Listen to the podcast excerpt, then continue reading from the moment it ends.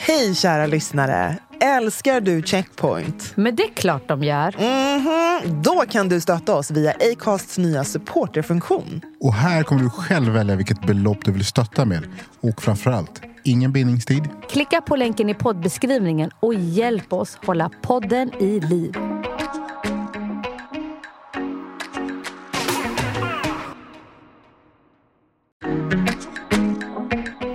Får ofta frågan, vad skulle du säga till de till ungdomar som också vill bli komiker eller författare? Alltså först och främst är det, är det värt livsuppoffringen? Är det värt ett liv där du inte har komfort? Är det värt att du förtjänar hela ditt liv? Dina vänner har hunnit gifta sig, poppa sitt tredje barn. Men du får jobba med det du älskar, möjligen. Om det verkligen är din absolut största passion.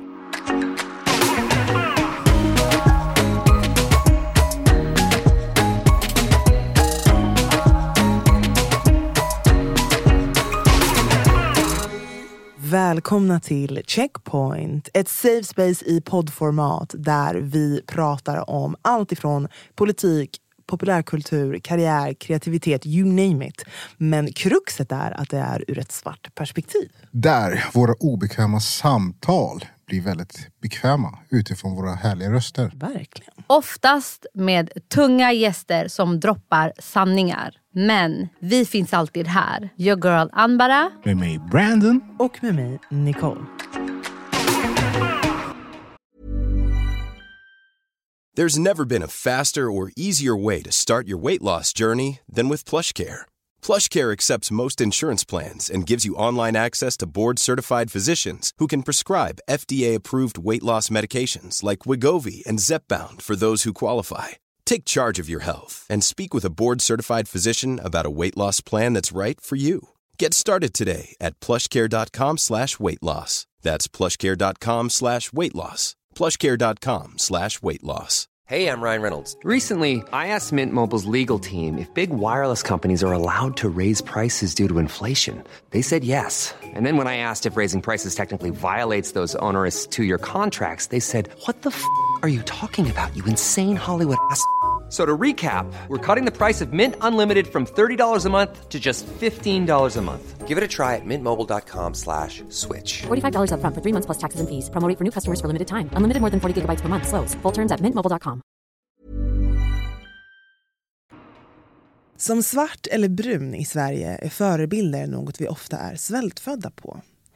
Syftet med den här podden är att lyfta röster som annars inte blir hörda och ännu viktigare, ge en plattform till de otroliga förebilder som faktiskt finns. Because you can't be what you can't see. Veckans gäst beskrivs som en svensk Elena Ferrante, den berömda italienska författaren. För många i orten har hennes trilogiserie Miseria, Low Key och 100K för första gången gett oss igenkänning i böcker med skildringar ur vårt perspektiv. Hennes litterära språk beskrivs som rapp och spännande med inslag av humor. Och det är inte så konstigt då hon även är ståuppkomiker som gjort succé med föreställningen Tre streck. Med sin vassa penna och way with words är veckans gäst en som inspirerar och förändrar vår samtid. Varmt välkommen till Checkpoint, Husbys stolthet! Melody Farshid! Så fint! Du snackar, jag har med mig det introt vart jag än går. Du kan bara spela upp det. Exakt, jag vill ha det som min egen soundtrack när jag stiger in i ett rum. Vi fixar det. Vi fixar det. Inga problem. Den var otrolig. Gud vad fint. Välkommen. Tack så jättemycket. Kul att vara Varmt här. välkommen. Vi brukar också ge möjlighet till att, nu var det introt jättefint, men om du skulle själv presentera dig för de som lyssnar. Hur skulle du beskriva dig själv? Vem är du? Jag ska säga Melody från Husby.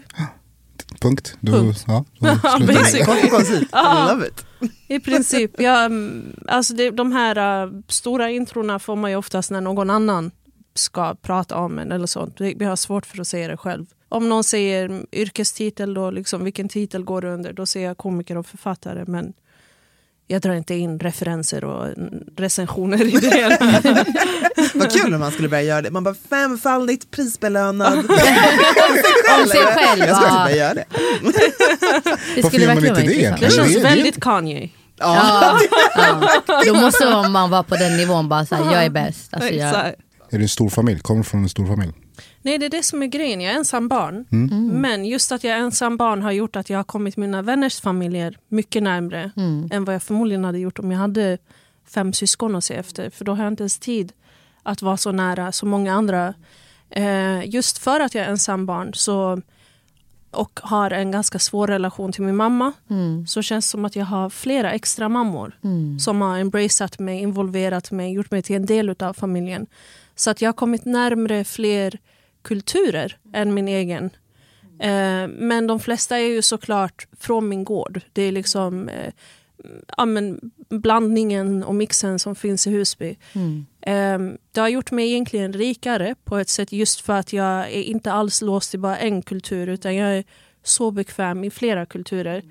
Kanske hade jag blivit rikare eller mer kunnig inom mitt egna om jag hade vuxit upp i en större persisk familj eh, och i en större persisk community. Men jag är nästan glad att jag inte blev homogen. Alltså att det inte blev en enfald.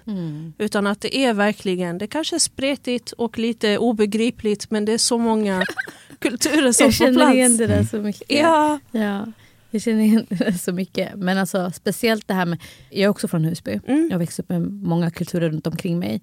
Så du vet, mina barndomsvänner, om man kollar på oss, det är en blandning från hela världen. Mm. Eh, olika språk, olika matkulturer.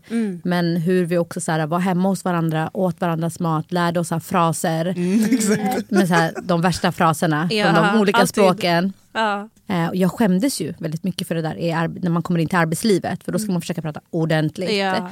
Men jag har börjat embracea det mer och mer. Att så här, och skrivit, börjat skriva i mitt CV att jag är flytande på typ så här Rinkeby-svenska. För att jo, men väldigt många inom marknadsföring vill ju tappa in till den målgruppen. Och sen är det typ någon, någon vit som sitter och bara så här, mm, äh, Aina, oh, fake, alltså så här cap. Men jag kan ju det språket. Så då, kan, då, då är det ju en, eh, en tillgång som jag också behöver visa och inte skämmas för. Men det är ju så intressant för att det har ju också, vi ser ju en skiftning sen sociala medier egentligen kom också. Att det här alltså Rinkeby-svenska eller förortslingot, det, har ju, det tappas ju in i populärkulturen på ett helt annat sätt. Exakt. Det sprider sig, för det var ju någonting som släpptes nu, någon sån här handbok från Snapchat, såg ni det? Jag tror vi snackade om det. Det var någon, så här, men, någon rolig reklamkampanj eh, där man skulle då lära boomers hur man pratar i sociala medier. Och många av de här orden var så här, men vadå, det där användes typ för tio år sedan. Alltså det, det är lite så, det är så efter, för att populärkultur, det går så fort. Ja. Och det influeras idag från helt andra ställen. Det är liksom inte media eller specifika serier som bestämmer. Utan det är liksom musikkultur, det är mode, allt det här som frodas och det går så fort. Det, alltså det är en, en grej som är fascinerande för mig. I USA har man pratat väldigt länge om att det finns ingen som är mer kopierad än den svarta mannen. Att folk försöker efterlikna delar utav den svarta mannen. Eh, oavsett om det är klädsel, om det är språk, om det är liksom populärkultur, eh, vad det än är. Ehm, den svarta mannen har aldrig porträtterats som nördig eh, eller så här töntig eh, på något sätt. Utan det, det, är verkligen Jag, tänk, mest... jag, jag tänker på den här serien med han med glasögon, vad heter han? Steve Urkel. Steve men Urkel, eh, han var ju egentligen en riktig charmör och Ja. testalla. Exakt. Det är det som Där är han grejen. blev, vad heter han, Stefan? Exakt, exakt. Fett kul! Det var liksom Men- hans riktiga jag. Det här är vad jag vill komma fram till. Jag tycker att det appliceras idag på orten. Lite, att det börjar Utveckla, gå lite... utveckla, hur menar du? Ja, ja, ja. Jag fattar exakt vad du menar. Men jag tycker att orten inte får den recognition. Absolut inte, det får inte den svarta Nej, det mannen får inte heller. svarta mannen heller. Men det, och det är därför många i orten blir så här, vi kan inte ta oss någonstans. För att vi är... vi är där den svarta mannen var way back. Tänk på att Sverige kopierar allt som USA har men Mm. mycket senare och får alla sina uppenbarelser mycket senare Mm. också. Låt säga den svarta mannen, mest kopierad men också den mest stigmatiserade. Det är det svåraste du kan vara egentligen att vara en svart man. Eh, I USA, över, här skulle jag säga det är svårare att vara en svart kvinna men fortfarande. Ehm, fortfarande så kommer det här med orten grabben framförallt som knappt får existera. Han kommer vara den mest kopierade på det, ett förlöjligande sätt också och på ett approprierande sätt också. Men utan att få recognition. Men det här börjar ske nu. Exakt. Det är nu det börjar bli en del av populärkulturen. Mm. Men 100 procent och vi ser ju också, ja men vadå, för det, det heter fortfarande, eller vissa kallar det för becknarväska. Mm. Och allting handlar om vem som har det. Men sen vadå, för typ tre år sedan, då såg vi ju alla på Stureplan och bara så, Mm. gå runt med det. Men, sen, men de blir ju inte stoppade av väktarna. Nej. Utan för det är fashion. Mm. Medans om vi bär det, då är vi liksom automatiskt. Knarklangare. Exakt. Ja. Vi pratar om Husby. Om jag skulle, vad betyder Husby för dig, Melody? Jag får så många känslor när jag pratar om Husby. Eh, jag får dels en nostalgisk värme för jag älskar det Husby som jag växte upp i. Eh, jag känner en tillbehörighet. Jag känner för Husby som typ en patriot hade känt för sin nation. Eh, det är verkligen mitt ursprung. Fint. Ja, det är, en, eh, det är min flagga. Det är verkligen det är så jag har valt att uttrycka mig. Husby är min flagga för det beskriver mig mer än mina etniciteter.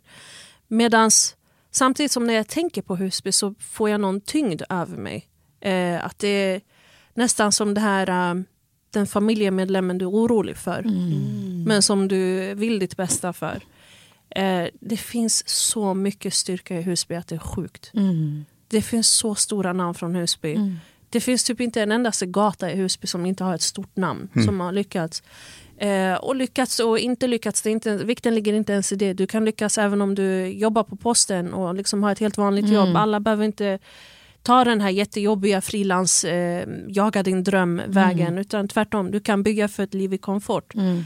Men det är mer liksom hur, eh, hur lite folk bryr sig om sina liv. Mm. Ehm, hur man någonstans har accepterat att man, ens människovärde är så pass lågt att det är värt en tillfällig inkomst.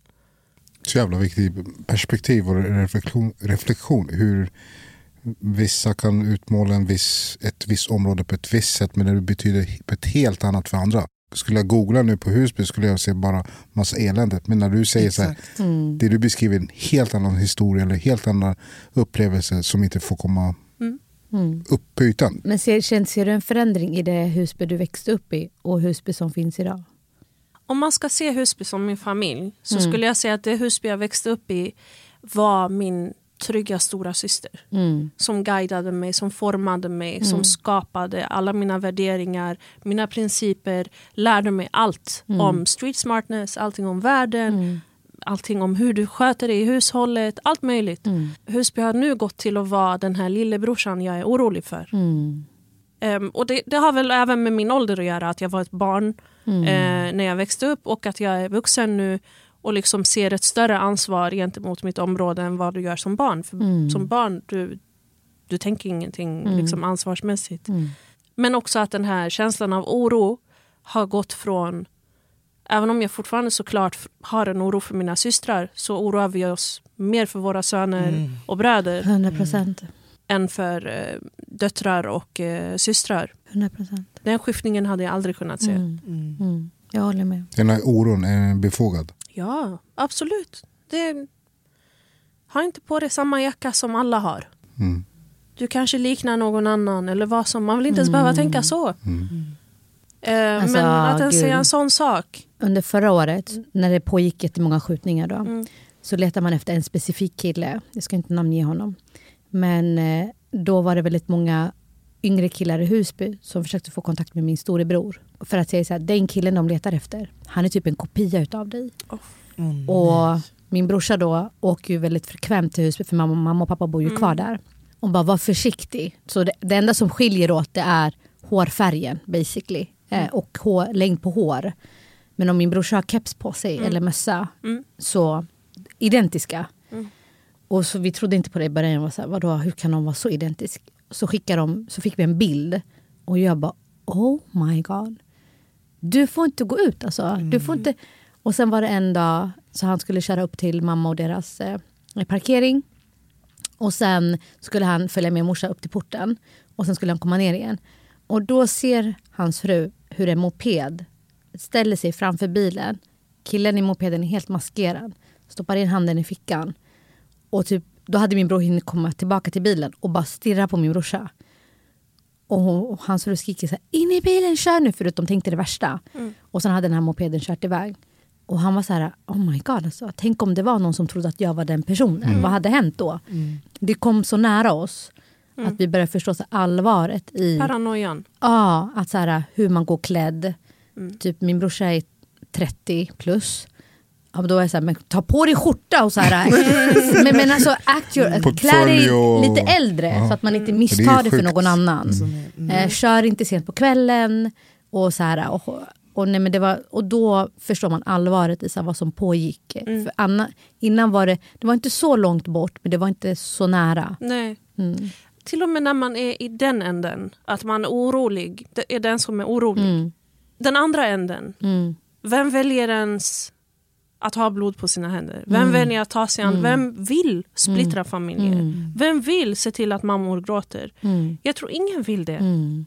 Men vad är det som lockar? Vad är det som gör att det är värt? Ja. Mm. Det är ju en Absolut. samhällskonstruktion. Det är inte ett det är inte självvållat på något sätt. Man kan inte bara, du vet, såna är de. Du vet, alltså, vifta bort det. Att Ja. liksom så här, det får de ta hand om själva. Det är, Absolut, så, är- så viktigt och jag tror att vi försöker oftast lyfta just det. Att, låt oss ta ett steg tillbaka och, och, och ha lite större perspektiv på det här och se vad är roten till det här. Alltså just för alla oss som ändå har på något sätt haft en mycket, mycket alltså en närhet till det här. Vi har liksom vuxit upp i det. Antingen har man liksom, ja men, personer i ens familj eller vänner. Alltså när man har sett det. Jag tror att det måste vara jättesvårt att, att förstå eller ens kunna tänka sig eh, att när man ser på det utifrån. Man vill ju förenkla och bara säga nej men du är dum och ni kommer så, era gener är aggressiva. Typ. Alltså att man bara drar sådana liksom, slutsatser. våldskapital. Ja men Ja. typ, att så här, de tar med sig från krig, du vet de är ärrade de här ungarna. Man bara, nej, men vänta nu. De är ju födda men- i Sverige, Ja men exakt, att så här, aj, då är det föräldrarnas fel. Alltså något sånt att det är så svårt att beskriva för att det, det ni beskriver och det du också sätter ord på Melody är den här jag får bara en, en bild av hur man känner sig man känner sig pressad från båda hållen. Alltså det ena är den här det helt normala pressen som man känner som, som barn, som ung, som tonåring. Vad är min plats? Vad, Vem är jag? Min existens? Allt det här som man går igenom. Men så, så lägger du liksom på lagret och så är det grupptryck och det är liksom massa saker som händer. Men sen lägger du på det här trycket från samhället. Du hör inte hemma här, du kan inte bli det du vill. Vi kommer behandla dig illa, Vi kom, du kommer bli utsatt för våld. Att liksom de här båda trycken Tro, kommer inte- liksom... tro inte att du är smartare än alla och så du Exakt. håller på din plats. Du, du blir inte avkastas lika mycket som alla andra. Precis. Och så vidare. Och så vidare. Så, alltså det här, jag, håller- jag håller med. Och det blir någonstans en... För jag tyckte vi, vi pratade lite här innan, innan vi satte igång. Du beskrev Ambara, du hade varit och hållit ett, eh, ett tal på en student. Och du var så, det var väldigt svårt att nå fram till de här 18-åriga grabbarna. Liksom. Ja, de är jättecoola. Nej, men det var den, nej, nej. Det Men var den jobbigaste crowden. Alltså. Nej, men innan jag fick hålla ett, innan talet då, så såg jag vilka jag skulle hålla tal för. Alla jag hade har tal för, airpods. jag har tal för mer människor på högre positioner. Men det här var typ, jag bara, jag, alltså, jag klarar inte av det här. För det, de var så nonchalanta och så här coola och så här, typ, satt lutade i stolen och var så här... Det är upptaget. Typ De lyssnar på sin egen grej i sina hörlurar. nej, men, De är inte ens där. Nej, men, och jag var så här... Men du vet, och allt är så här jättetöntigt du vet, när man pratar så här framtid och skärp er och allt. Ja. Allt är bara så här med tyst, alltså så här, whatever.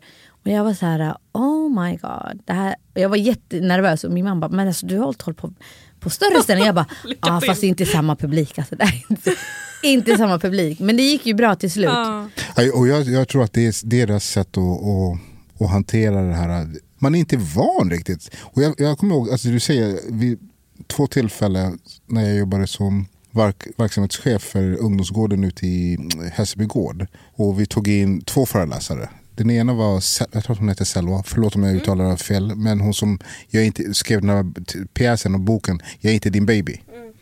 Eh, Och sen tog vi dit eh, Hanif Haziz som är eh, polis, förortspolisen. Men vid båda tillfällena när hon pratar om sin fruktansvärt känslosamma alltså, bok och historia, lite sådär. I början var så här, man såg hela, de bara, "Åh, vad är det här? Och sen när, när hon sa vissa saker, de, tyckte, gud vad pinigt. För att hon är väldigt öppen i sitt språk. Alltså hon lägger ord på det hon vill lägga ord på. Och alla var ja, men du vet, så obekvämt, de flyttade på sig och det var så här, oh shit, de började fnittra. Ja. Men man hörde efteråt hur de snackade. Shit, vad mo- ja. Så att ibland kan det vara så att det, det trillar ner efter samtalet. Eh, Just där och då blir de så ah, de, återigen, de är inte riktigt så här, inte alltid, inte oftast vana i sådana eh, mötesplatser. Alltså, förstår du? De, är, de springer och gör sina egna grejer. Men om du samlar dem, då vet de inte riktigt hur de ska navigera sig i ett så här, eh, Ja, jag i fattar. rummet. Men jag vill ju också visa dem så här, jag är, sam, alltså så här, jag Ja. är en av er. Mm. Äldre bara, men också husbebo. Och Absolut. så här, jag har alltså, sett det ni har sett och upplevt det ni har upplevt. Men det här är andra sidan när man blir äldre. Mm. Men också, sen är det en annan grej som triggar in. När, när man träffar en crowd som ser jättecoola ut. Då vill man samtidigt så här vara, men jag är också cool. Jag, kan också vara så här cool. Men då blir det så här, ah, nej de tycker inte jag är cool. Lite Så den. jobbigt. Ja. Hej, jag heter Patrik Konde och ni lyssnar på Checkpoint, den fantastiska podden där ni får höra mer om svarta upplevelser i samhället.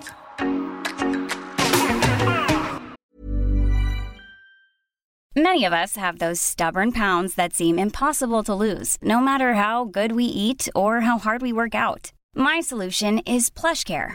PlushCare is a leading telehealth provider with doctors who are there for you day and night to partner with you in your weight loss journey. They can prescribe FDA-approved weight loss medications like Wagovi and Zepbound for those who qualify. Plus, they accept most insurance plans. To get started, visit plushcare.com slash weight loss. That's plushcare.com slash weight loss. When you make decisions for your company, you look for the no-brainers. If you have a lot of mailing to do, stamps.com is the ultimate no-brainer. Use the stamps.com mobile app to mail everything you need to keep your business running with up to 89% off USPS and UPS. Make the same no-brainer decision as over 1 million other businesses with stamps.com. Use code PROGRAM for a special offer. That's stamps.com, code PROGRAM. Alltså med risk för att låta old cat, men den här generationen har ju on demand. Så sabr är inte befintlig. Mm. Ja, finns så, inte. Alltså, allt det här där de inte kan skippa intro eller liksom så här, Snabbt spola. Exakt! Det Eller pausa bara, jag pallar ja, Kom inte. fram till saker, kom fram till Ja, saker. det är sant. Alltså röstmeddelanden, du kan maxa den till gånger två. Äh, podd, den här podden, det finns folk som lyssnar Ja. på den där vi låter som Du kan ekorrar. snabbspola. Mm. Ja, jag hoppas att det, det, det är obekvämt för er. Alltså jag gillar inte när de, när de maxar ens röst. Jag bara, ej, jag, jag pratar redan snabbt, varför gör man sådär med en? Ja, ja. Men, så eh, jäkla bråttom. det gör att det är svårt. perspektivet, Ja. Att eh, landa i att nu ska jag lyssna på en, ett tal eller en föreläsning eller nu ska jag vara här och nu och bara ta in det här teknikstrulet som pågår utan att få panik. Det- Men det, det är intressant. Hur, hur gör du alltså, att hantera just sådana situationer? För att jag menar, mycket av det arbetet som du gör och eh, brinner för är egentligen först och främst att tilltala den målgruppen som vi pratar om. Vad, vad, vad brukar du göra för att... eh, att Inom stand-upen eller böckerna? Stand-up. ja, Stand-upen. Stand-up först. Ja. sen, Stand-upen, det unika med stand-up är att du vet inte ens vem du underhåller förrän bam, när du går på scen. mm. Ehm, ibland kan du till och med vara, liksom, vi är oftast tidigare på plats för att kunna skanna av rummet men då ser du bara de här uh, Arne och Birgitta som är tidiga. som sitter i publiken. men eh, liksom... eh, Vilka platser har vi? Exakt. Zubeida och ligan kommer komma tre minuter över. Exakt. exakt. Ehm, men eh, det är just det som är grejen. Så fort du går på scen då måste du anpassa språk, referenser. Snabbt, ehm, eller? Snabbt. Det är, det, är, alltså, det är därför vi är proffs på det vi gör. Mm. Precis som vem som helst. Inom service eller eh, så skiftar du ditt språk beroende på vem du möter. Mm. Ehm, är du liksom, du försöker, jobbar du i en restaurang försöker du hitta något efter den kundens smak. Liksom, du anpassar ju efter. Eh, däremot så vill jag aldrig kompromissa för mycket med Nej. mitt språk. Mm. Jag vill fortfarande vara begriplig men på mitt språk. Mm. Min egen rytm. Mm. Eh, sen kanske är det vissa referenser som jag bara vet att du måste vara muslim för att ens förstå. Eh, alltså när jag kör för orten så är det verkligen igenkännelse. Mm. När jag kör utanför orten så är det en aha-upplevelse och det är den stora kontrasten. Mm. Men hur hamnade du, alltså så här, hur hittade du till stand-up comedy? Till stand-up, jag har idoliserat stand-up ända sedan innan jag kunde engelska. Mm. Och jag verkligen bara för har alltid varit fascinerad av Dave Chappelle. hur Åh, lugn han är ja. på scen. Hur mycket budskap han har på Och han är scen. så jävla intelligent. Han är jätteintelligent. Han har hamnat i vissa drev och grejer Mm. men fortfarande, jag längtar alltid efter att höra hur han processar Exakt. eh, vissa saker. Och han är ju, vi får inte glömma att det är humor. Mm. Eh, även om jag är ingen av dem som tror att man kan skämta om allt och att man måste sköta det snyggt. Han är fortfarande ett proffs på konstformen stand-up. Mm. Han är lugnare än alla andra på scen Mm. verkligen. Mm. Och just det gör att jag som tittar blir lugn. Jag uppskattar det, alltså din, din analys och just att så här, det behöver inte vara den här, för det kan jag också uppleva med komedi i Sverige, att det ska provocera. På ett, alltså, det vi gör är att tänja gränser, så vi ska skämta om pedofili. Man bara, "Ok- okej, måste vi? Jag vet inte. Alltså för vissa är eh, för vissa är provocerandet ett varumärke. Mm. Precis som vissa för vissa är åsikter ett varumärke. Mm. Det finns liksom aktivistkonton som bara har åsikter. Mm. Eh, och det, det är varumärket i sig. Mm. Att tycka Mm. saker. Och har du en torr period till exempel så måste du hitta på någonting Ja, att tycka om. Mm. Det, det, det är ju i princip, och samma med provokatören. Den letar efter någonting att provocera om. Och jag tror verkligen, jag misstänker att provokatörrollen kommer från den som är ganska svår att minnas annars. En som har ett alldeles för vanligt namn kanske. En som ser, är lite för lik alla andra komikerkollegor eller liksom, som vill sticka ut. Mm. Ehm, som den här, han som vågar. Just det. Eh, han som är väldigt mellanmjölk egentligen men vågar sticka ut. Det blir hans trademark. Mm. Jag tänker direkt på en. Han är, ingen, han är ingen komiker men han försöker hela tiden vara där. Jag- Hanif! Hanif Bali. Jaha, nej men gud, han finns ju inte ens. He's dead to me. Nej men apropå att provocera. Ah, jo. det- det är hans- Ja, alltså, jag fattar. det- rollen jag är ju att göra- Jag skulle inte se det som att han försöker vara en komiker. Ehm, men att han definitivt har ju fått sin fanbase på grund av sina åsikter. Exakt. Ehm, på grund av Nej, att han, absolut. han säger det som väldigt många eh, vita önskar de kunde säga. Mm. Mm. Eh, och det blir väldigt tacksamt att, eh, och Att nu säger jag inte alla vita men såklart, om man besitter, liksom en vit person kan inte säga de sakerna han säger eh, på samma Mm. sätt. Det är lika problematiskt när en eh, icke-vit eller brun person eller svart person för den delen skulle uttrycka sig på det sättet. Mm. Ehm, men det blir någonstans mer rent i, rum, alltså, i, i det sociala rummet. Mm. Det är de mer OK. alibi. Ja, Det blir ju, ah kolla, exakt. bekräftat. Om jag pratar illa om islam Mm. eh, så är det mer befogat. Mm. Och man tror mer på mig när jag gör det än En- om eh, vit någon person, annan. En svensk person. Ja, Ja, men, gör det. Exakt, Mm. för att då kan man tänka att det kommer från fördomar. eller så. Men jag Mm. kanske inte alls är beläst. Mm. Jag kanske sitter och snackar utifrån påhitt. Tänk om Mm. jag inte ens, jag kanske ser ut att vara muslim men tänk om jag inte ens var det. Exakt.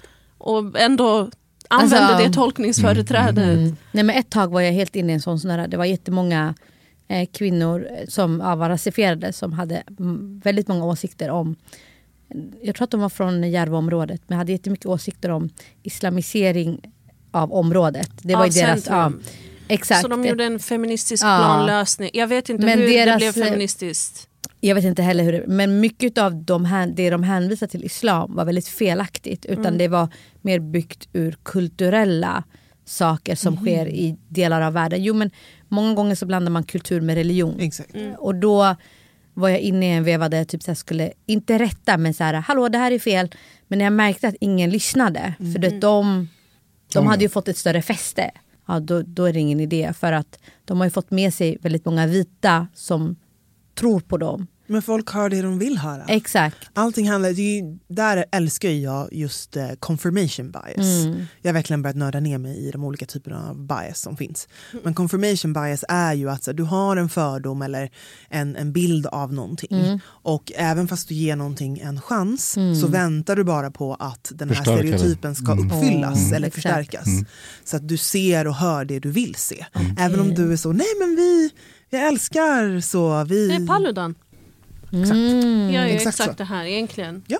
Han vill ju visa att han inte gör fel. Exakt. Men titta, de kan inte behärska sig själva. Ja. ja. Men bekräftelsen i just confirmation bias är att du har en bias. Det finns redan en fördom eh, om en grupp eller deras beteenden och hur de gör och du bara väntar på att det här ska Och får jag, får jag inte den här reaktionen, ja, men då går jag dit och letar dem. För att jag ska fan Jag ha rätt. Jag ska visa att fan, ni, ni, ni, ni skiljer er från, från oss. Nu har vi pratat lite grann om Husby, vad du brinner för och hur du hanterar komedin för att nå vissa typer av målgrupper och publik och sånt där. Och sen har du också skrivit böcker. Exakt. Men innan du skrev, jag tror att det fanns en annan plattform som gjorde så att du började bli ännu mer intresserad av skrivandet. Var var det någonstans? Som krönikör, det det du tänker på? ja. Vad var det du började skriva som krönikör? Ehm, om ni minns tidigare Norra sidan. Yes. Ehm, bästa tidningen. Vad var, du får berätta, Norra sidan, vad var det för? Det fanns en lokaltidning som var mitt i Mm. eh, då. Det, den drevs väldigt mycket av att skriva utifrån deras kontor på Liljeholmen och liksom, eh, man hade inte så mycket lokal närvaro. De kritiserades, de har förbättrats. Mm. Så jag vill bara put it out there. Det är mycket bättre idag än vad det var förut. Men eh, det kom liksom nästan som en motpol till det så skapades det här medborgardrivna Norra sidans och det var Rosberg Jalai som höll i det. What up till han? Verkligen. En utav, han skapade också södra sidan, succé, norra sidan. Alltså han har gjort sån impact i att när det kommer till att orten faktiskt kan ja, men få sina röster hörda. Men han var bland de första som verkligen liksom, men du är duktig på att skriva. Typ liksom uppmuntrade mig för det. Och sa att vill du inte skriva några ord om det här? Ja, det här funkar fint. Vill du inte testa någonting annat nästa månad? Och då blev det ju väldigt mycket att jag skrev, jag skrev en gång i månaden tror jag under en längre period. Men då måste du skriva någonting som är relevant för området oavsett ålder. Så då är du väldigt begränsad i det. Sen efter det så hamnade jag inne på böckerna. Där kunde jag ju vara mer fiktiv. Det är ju så inspirerande för jag tror att det är väldigt många som sitter på den typen av kanske inspiration eller vilja att uttrycka sig. Kanske inte bara på scen, jag tänker liksom stand-up är ett typ av craft och en typ av talang men just att skriva tror jag är väldigt många som vill.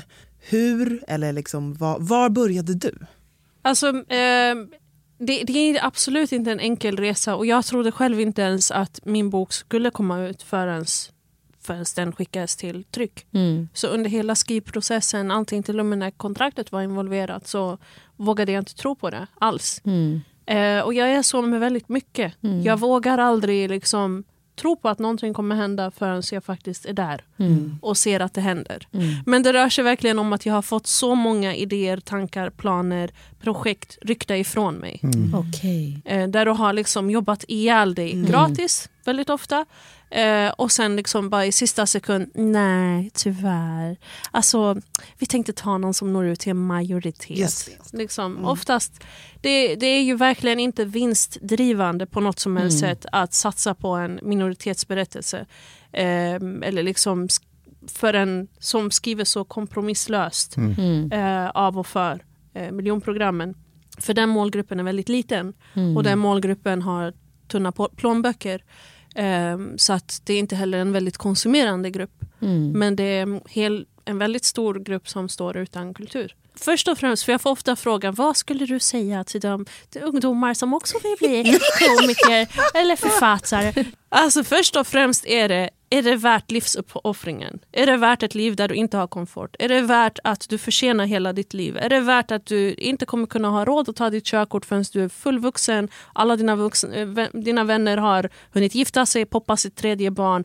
Då Eh, liksom, allt det här blir ju försenat så fort du vill satsa på din dröm. Väljer du ändå att satsa på din dröm, då ska du vara övertygad om att det här är mitt syfte i livet. Det. Här får kosta mig struggle, det här får kosta mig min mentala hälsa, det här får kosta att mina föräldrar är besvikna på mig.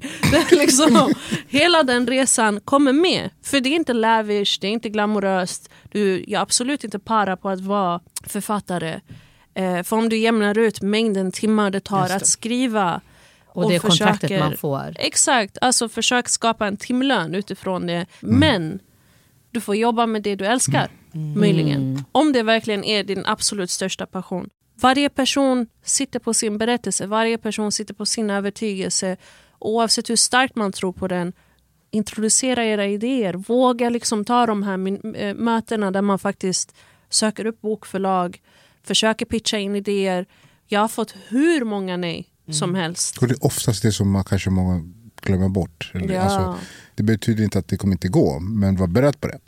Och lägga upp någon slags plan kring hur du återhämtar dig kring det. Mm. Eh, Hur jobbade du igenom de här nejen? Jag får dem än idag.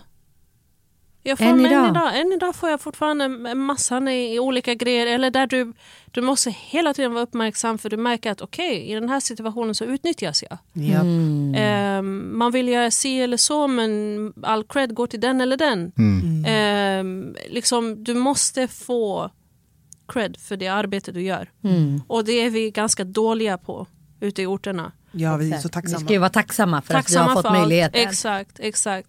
Ehm, och liksom våga säga nej själv. Låt säga till exempel, eh, jag blev erbjuden att få en huvudroll i mm, en serie där jag skulle spela mamma till tre barn. Det här är något som skulle få flera säsonger. Det här skulle kunna säkra min ekonomi eh, ett bra tag. Sen fick jag se att jag skulle vara mamma till tre kritvita barn. Va? Det är det som är det konstiga. Bara där så frågar jag, även om jag Don't you know en svensk- biology? Exakt. Alltså, exakt. Det finns inte en möjlighet, det finns inte en biologisk möjlighet i världen att mina barn inte får någonting. Men vadå, hur kunde castingen på barnen, nu blir jag så här jättedetaljorienterad, hur kunde castingen på barnen redan vara klar? Det, det, det, det är så många, alla de här frågorna ställde jag mig. Och jag, de- var, vi har kämpat för att hitta ett barn som liksom skulle kunna likna dig bättre. Jag bara, ge mig, Nej, det har ni Ge mig en inte kvart. gjort. Exakt. Det har Ge ni verkligen inte gjort. sedan kan jag få låna Vad ditt barn i några eller dagar så- bara. Ge mig en Alltså, kvart, jag beställ en Uber till Järva. Jag kommer, komma tillbaka. Hur många ungar finns det inte med skådespelardrömmar? Om jag ska sätta mitt Nah, ansikte där så är det också en dörr in för de här Ja. barnen. Jag kan inte stå och prata om representation och sen vara mamma till tre barn som inte ens har en reflektion i mig. Så bara där, du måste tacka nej. Den typen av vägval kommer du hamna i. Du kommer få många nej men du måste själv också säga nej för att vara ärlig mot dig själv. För att kunna leva med dig själv. För att kunna stå upp för de värderingarna du har, de principer du har. ehm, för att ha ett tydligt mål. Men du, de här böckerna då, som du har skrivit, det är tre böcker. Det stämmer. Tre, ja. Hur har mottagandet blivit enligt dig? Hur, hur upplever du att det har tagits emot? Ehm, jag var nog lika orolig för varje bok egentligen. Um, Miseria, första boken, jag visste inte ens om någon kommer läsa den. Eh, jag hade inte berättat för någon att jag skriver för jag visste inte om det kommer hända. Eh, jag tänkte att den kommer ryckas ifrån mig. Ehm, när den kom ut så jag hade ett öppet slut och det hade jag med flit för att jag ville klia läsaren om någon läser. Mm. Och det gjorde att folk skrev till mig. Mm. Så att som författare är ju mitt jobb klart när jag har boken åkt till tryck egentligen.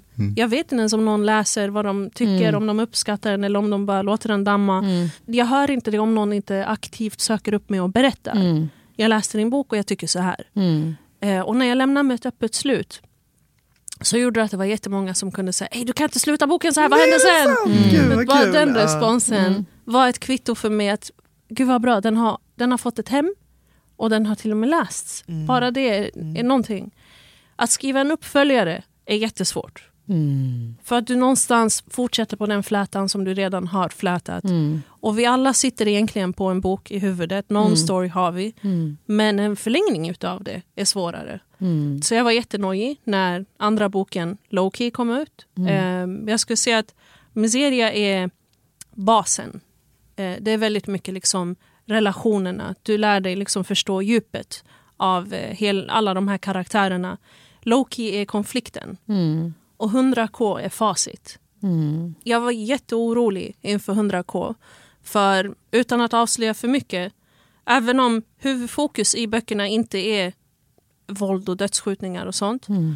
så uppmärksammar jag väldigt mycket kring att leva i arvet av dödsskjutningar. Mm. Eh, att vara nära anhörig. Att va, förlor, vad händer med den här personen som sörjer eh, den bortgångne år efter att huvudrubriken har försvunnit? Vad händer med oron inför? Alla de här grejerna. Vad hände med den som råkade vara med personen? Den paranoian. Ehm, allt detta. Och i 100K ger jag ju eh, skyttens perspektiv. I, vi ser en dödsskjutning som sker genom tre böcker, endast en dödsskjutning. Jag vill vara jättetydlig med det. Det är ingen bok som glamoriserar dödsskjutningar. Men den går in på vad händer omkring, psykologin bakom. Först får vi se hur det är att få en nära anhörig eh, berövad. Men sen i facit, utan att avsluta, avslöja för mycket, så ser vi det utifrån skyttens perspektiv. Och där var jag orolig att tänk om det blir liksom... Ja, men jag, jag lanserar ju en mördares berättelse. Ehm, vill man ens sympatisera med en mördare? Men samtidigt, alltså det, de här unga männen idag, eh, någonting jag ser som alla har gemensamt i ytterstaden kring varför man gör detta och varför det är extra konstigt för mig, varför man gör det här. Det att varendaste en har ju en dröm någonstans om att en dag ska jag köpa ett hus till min mamma. Exakt. Varendaste en respekterar sina föräldrar högt. Så varför går man då så långt att man skämmer ut dem? Exakt. För dina föräldrar kommer skämmas. Mm. Många i ytterstaden kommer från religiösa hem. Mm. Vilket innebär att du har en stark navigering i vad som är rätt och fel. Mm. ehm, kring moral. Mm. Du vet att det finns ett straff. Mm. Hur stark är den där tramcocktailen Mm. för att dämpa eh, och göra en så pass likgiltig? Ehm, det är mer den berättelsen. Liksom den, det fokuset jag ville lägga på. Hur hamnar man där? Vem, vem väljer att göra något sånt? Är man en ond skapelse? Mm. Eh, eller hur, varför tar man de här valen? Tack snälla för att du to- tog dig tid att komma. Och jag, du har varit på våran eh, lista länge, länge, länge. Ja, länge, länge, länge. Och för mig tycker jag att det var jättefint att höra samtalet. Att få höra din resa kring lyfta och inte vara såhär, eh, stå för att fan, du, du ser en annan del av Husby. Eh, Som många kanske inte, oftast inte ser eller vill se. Eh, men också så här att fan, man kan vara komiker, man kan vara författare. Men ändå vara sann mot sig själv. Eh, det, det tycker jag är stort. Ja, det är otroligt Det inspirerande. är, Verkligen. Du får Detsamma. gärna komma tillbaka. Ja, det hade varit jättekul. Moral of the story, jaga inte din dröm, välj komfort, ta ett 9 till 5 jobb. Döda inte dig själv med det här. Verkligen, du måste hata dig själv för att jaga din dröm. Är du övertygad, gör det. Men kom inte och klaga sen till mig. varsågod. Exakt. Tack för idag. Tack. Tusen tack! Hej då! Hej. Puss, puss, puss. Hej då! Hej, det här är Vanessa från En svart mammas podcast. Jag vill bara skicka massor av kärlek till Checkpoint Podcast och för att ni always är on point med era samtalsämnen. Jag känner mig extremt hemma i dem. Det är viktiga samtal som ni för och bäst av allt så för ni de här samtalen helt unapologetic. Och jag är så glad och jag känner mig så inspirerad av er varje dag. Så keep doing what you're doing och för vidare de här viktiga konversationerna för de har faktiskt en impact och de gör oss andra som relaterar till dem väldigt starka. Så keep doing what you're doing. Much love. Vanessa. Hörni gänget, glöm inte att subscriba på podden där du lyssnar på poddar och framförallt betygsätt. Give us them five stars. Five stars. Let everyone know att Checkpoint is here to stay. Och glöm inte att gå in och supporta oss på Acast Support. Följ oss på Instagram. Checkpoint understreck podcast. Do it now. Checkpoint! Med mig, Brandon och Your girl Anbara. Och Nicole. syns. Hej då!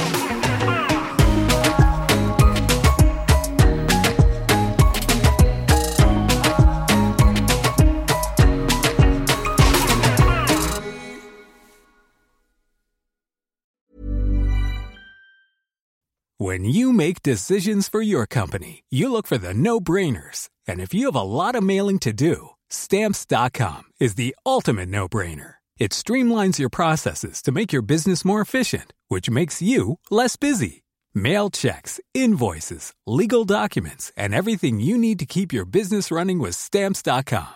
Seamlessly connect with every major marketplace and shopping cart. Schedule package pickups and see your cheapest and fastest shipping options from different carriers. With rates up to 89% off USPS and UPS rates. And with the Stamps.com mobile app, you can take care of mailing and shipping wherever you are. Make the same no-brainer decision as over 1 million other businesses with Stamps.com. Sign up with Code PROGRAM for a four-week trial, plus free postage and a free digital scale. No long-term commitments or contracts. That's Stamps.com. Code PROGRAM.